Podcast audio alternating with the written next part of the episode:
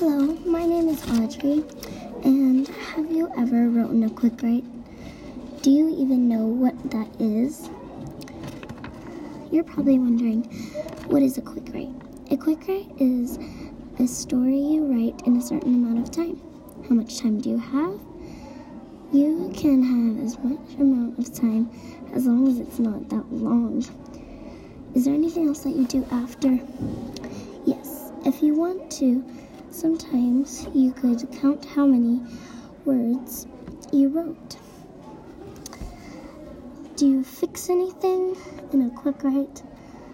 No, you don't erase, edit, or fix anything. If you need to, you can erase anything messed up or spell something after. Who writes a quick write? Anybody, even I can.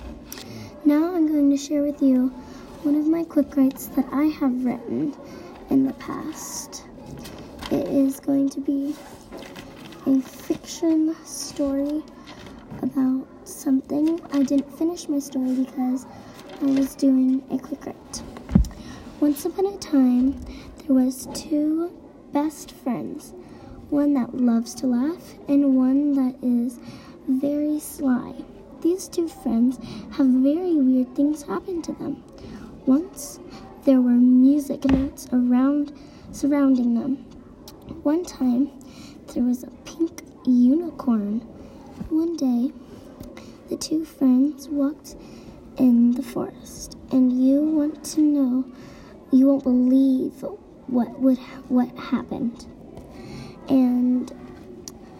Didn't want to count up my words on this one, but that's what you do. And well, quick writes give you something to do. Um, they help us generate new ideas for the person who's writing the quick write. See you next time. I'm off to do another quick write. If you do quick writes, I bet your brain will work a lot better.